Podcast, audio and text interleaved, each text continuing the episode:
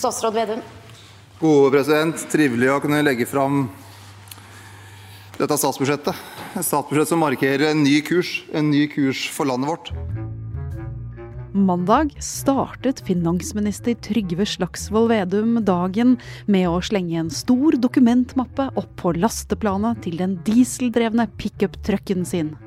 Så kjørte han av gårde fra statsrådleiligheten i Oslo sentrum vest. De fire ukene som har gått siden den nye regjeringen kom til makten, har det vært litt uklart hva slags politikk vi faktisk får når vi legger sammen Arbeiderpartiet pluss Senterpartiet. Klokka tolv på mandag fikk vi noen hint. Kommuneøkonomi. Gode og trygge liv. Nasjonal sjølråderett og kloke, langsiktige valg. Men uh, får budsjettendringene egentlig noe å si for deg?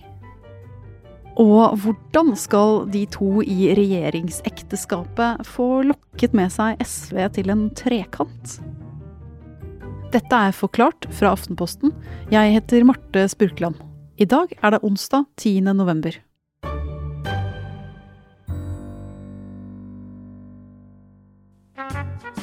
I løpet av de siste tre ukene har Erna Solberg dratt på Ikea og pakket seg ut av den ærverdige byvillaen bak Slottsparken, statsministerboligen.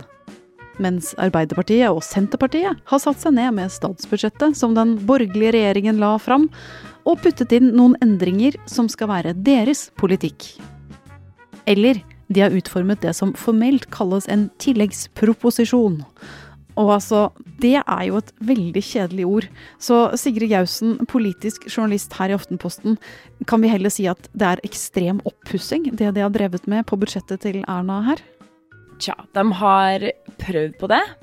De har iallfall jobba på spreng for å få til noen endringer i budsjettet. Det er jo mange som har stemt på dem for å få endringer, og da må de vise det gjennom det budsjettet her, da.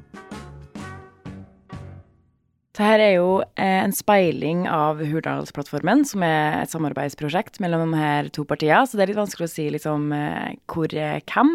Men det som Senterpartiet har vært opptatt av, og som de sikkert er veldig fornøyd med å få gjennom, er jo at de har fått løfta kommuneøkonomien med en del eh, penger dit. Mens eh, de har òg fått kutta elavgifta, som òg har vært viktig, og de har øka pendlerfradraget. Mens eh, Arbeiderpartiet har jo vært veldig opptatt av skatt, og er sikkert fornøyd med å få gjennom at det er lavere skatt for dem med middels og lite inntekt. Og så har de økt eh, formuesskatten, og så har de fått økt fagforeningsfradraget. Og selv om Vedum på fremleggelsen i Stortinget forsnakka seg litt da han skulle si pumpeprisen Vi reduserer veibruksavgiftene slik at pumpeprisen blir ca. 30 lavere sammenlignet med Var det ord som trygghet, ansvarlighet og nasjonal sjølråderett som gikk igjen i presentasjonen av budsjettendringene. Og da han var ferdig snakka, presset et stolt lite smil seg fram tvers gjennom den ansvarlige finansministerminen. Et Norge med små forskjeller i det Norge vi er så glad i. Regjeringa sjøl har jo lagt vekt på at det er et mer sosialt omfordelende budsjett. At det er et veldig godt klimabudsjett, og at eh, folk generelt skal måte merke at det er en ny kurs for landet. Um, men det er jo ikke så lett å gjøre så store endringer. Men det de har gjort, er at de har ikke brukt mer oljepenger, faktisk. De øker CO2-avgifta, men de senker veibruksavgifta. Så enkelt sagt så blir det litt dyrere å kjøre diesel- og bensinbil, men ikke like dyrt som om eh, hvis Erna Solberg skulle styrt landet. Og så blir det mer penger til kommuner og grendeskoler. Og så blir det billigere fergepris og pendlerfradrag. For deg som er politisk reporter, er det litt kjedelig budsjett, det som ble lagt fram? Eh, ja, kanskje litt. De vil nok sjøl se på det litt som å sminke risen. Altså, det er jo ikke deres budsjett. Eh, Erna Solberg sin regjering har jo sittet med dette siden mars og flikka på millioner her og milliarder der. Så, mens den nye regjeringa har jo bare fått eh, tre uker på seg. Så det har jo ikke vært eh, så lang tid for å på en måte fått så eierskap til det, da. Og når budsjetter som dette her blir lagt frem, så er det jo stort sett mye fokus på alt som skal få mer penger. Mens de er ikke så glad i å sette ord på hva som får mindre. Så hvem er det som taper noe denne gangen her? Nei, de skal bruke mindre penger på bistand nærmere 750 millioner kroner mindre. Og så skal de kutte fritidskortet for barn og unge, som er penger som skulle gå til fritidsaktiviteter for barn og unge. Og så kutter de 400 millioner kroner i et klimafond som heter Nysnø. Det er bare noen av tingene de kutter i. Hvordan har reaksjonene vært, da? Det har vært eh, ganske delt. Eller for å si det sånn, alle andre partier enn Arbeiderpartiet og Senterpartiet har vært ganske misfornøyd, eh, men av litt forskjellige grunner. Sylvi Listhaug i går gikk ut og sa at her er det klima som er vinneren, og det var ikke et kompliment. Mens eh, Sveinung Rotevatn i Venstre gikk ut og sa at nå er den grønne bløffen avslørt, og at det er altfor dårlig på klima. Så det er ganske delt, men eh, mange er misfornøyd. Og hvis vi skal ta det helt ned på bakken, hvordan kommer vi som faktisk er vanlige folk til å merke dette nye budsjettet? Det blir litt dyrere bensin og diesel, og så blir det litt billigere strømregning. Og så blir det litt dyrere fly. Og så blir det dyrere å ha hytte og sekundærbolig, f.eks. til utleie. Og så får vi litt mindre skatt, dem som tjener middels og lite. Og så blir det jo billigere for deg å reise hjem til jul, da, når du skal ta ferge til Surnadal. Det blir det. Men regjeringen har ikke flertall alene. Skal de få gjennom budsjettendringene, må de ha støtte fra noen utenfor sitt eget regjeringsekteskap. Og det mest naturlige stedet å gå er til SV. Partiet Arbeiderpartiet og Senterpartiet hadde en sommerflørt med for noen måneder siden. Men etter noen intense dates blokkerte de hverandre.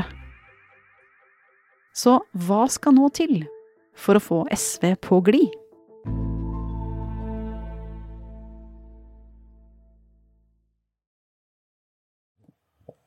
Sånn, nå er det i gang. Kjetil Alstaheim, politisk redaktør i Aftenposten. Du er jo akkurat nå i Skottland for å dekke klimatoppmøtet i Glasgow. Ja. Og veldig mye dreier seg jo om klima disse ukene. Er dette et klimabudsjett? Det er eh, en, Det var en pakke som ble solgt inn av Jonas Gahr Støre på forhånd om en drøy milliard, eh, en sånn klimamilliard. Eh, den viste seg å være delvis en sånn flytting av penger fra noen klimatiltak til andre klimatiltak, så den var jo mindre enn den så ut til da den ble lekket. Og så er det store spørsmålet handler om CO2-avgiften. CO2-avgiften, ja. Den mye omtalte prisen på utslipp, som skal gjøre at den som forurenser, tar kostnaden av utslippene. Den avgiften gjelder også på bensin og diesel. Og i vår varslet Erna Solbergs regjering at de ville øke CO2-avgiften med 28% Det var Senterpartiet sterkt imot. Likevel er samme økning med i det nye budsjettet, men de har svekket effekten av den ved å senke en annen avgift for de som kjører bil, veibruksavgiften. Og det gir eh, regjeringen et problem, for da får du ikke så store kutt som Norge trenger eh, hvis vi skal holde klimamålene. Og det er et ubesvart spørsmål. Hvordan skal de få til store nok kutt når de ikke bruker CO2-avgiften på en effektiv nok måte? Så hvor mye utslipp kutter kutter da den nye regjeringen faktisk i forhold til budsjettet som var laget av den borgerlige regjeringen? Det har de ikke laget noen beregning på, men eh, de anslagene som de har for årene frem mot 2030, er at det blir mindre kutt når man kompenserer for eh, økt CO2-avgift. Uh, og det, Den nye regjeringen har jo sagt at de skal lage et eget klimabudsjett som skal ligge ved siden av statsbudsjettet, som skal vise hvordan, hvordan uh, da, utslippene skal ut, gå nedover. Uh, men det har de jo ikke, naturlig nok, med så kort tid som de har hatt, rukket å lage til, til denne tilleggsproposisjonen. Men det gjør jo at de heller ikke har helt klare svar på hvor store kutt de får til, eller hvor de skal kutte mer når de bruke CO2-avgiften på en mindre effektiv måte. Så er dette nye budsjettet mer eller mindre grønt enn de borgerliges budsjett? Foreløpig er det mindre grønt fordi du bruker CO2-avgiften mindre effektivt.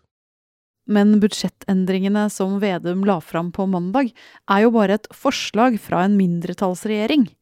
For å få det banket gjennom i Stortinget trenger de støtte. Mest sannsynlig fra en sommerflørt som endte i brudd. Det er med uh, stor uh, skuffelse at vi må erkjenne at uh, det etter SV sitt syn ikke er politisk grunnlag for å danne en rød-grønn regjering. Jeg tror ikke de har noen reell mulighet til å lage flertall, eh, flertall, for budsjettet med noen andre partier enn SV denne høsten.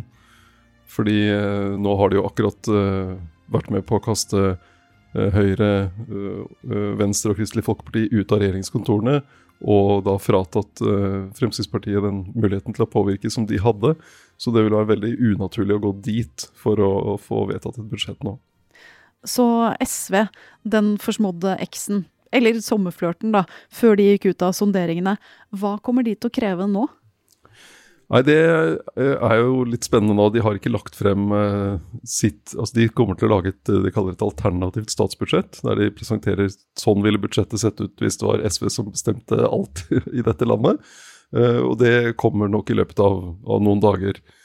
Eh, det vi vet, er at de er opptatt av å utjevne sosiale forskjeller, og at de er veldig opptatt av eh, å få ned utslipp og, og få til en bedre klimaprofil på budsjettet. For SV blir det veldig vanskelig å gå med på et budsjett som ikke er like offensivt eh, i klimapolitikken som det Solberg-regjeringen la frem. Så her må regjeringen ha et eller annet i bakhånd for å sjarmere SV litt over på sin side? Arbeiderpartiet og Senterpartiet vet jo at de trenger flertall på Stortinget, og de vet at de må forhandle med SV.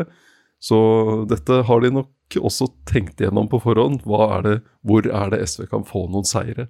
Kan det tenkes at Arbeiderpartiet satser litt på at SV skal grønnvaske budsjettet deres rett og slett litt i, de, i forhandlingene som kommer?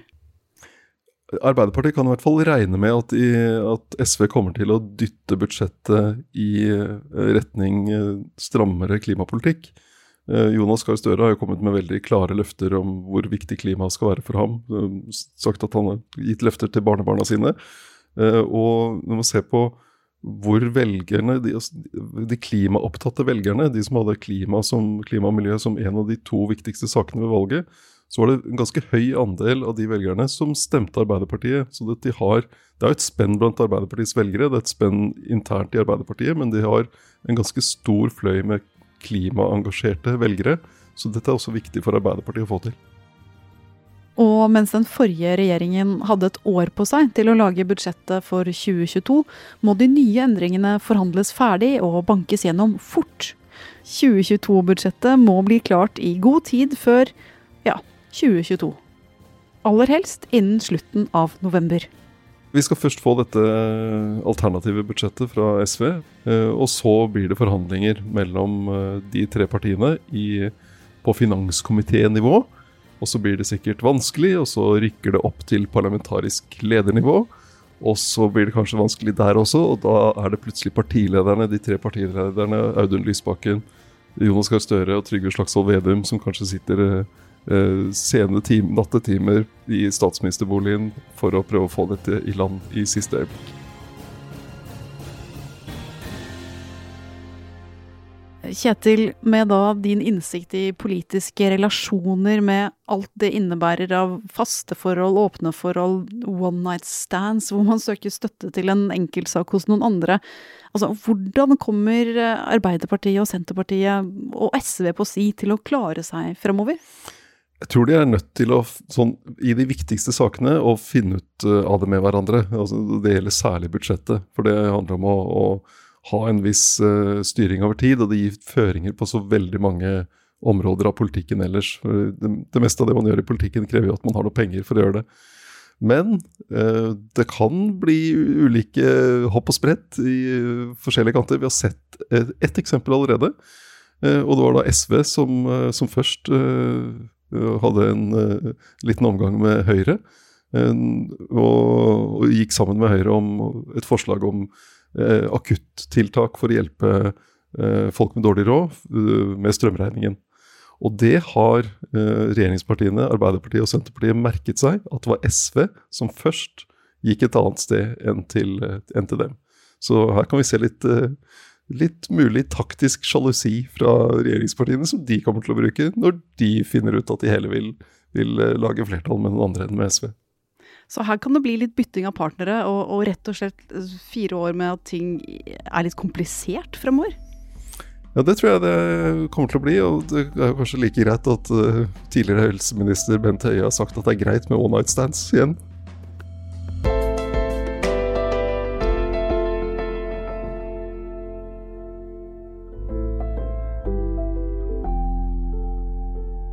I dagens Forklart har vi hatt med oss Sigrid Gausen og Kjetil B. Alstaheim.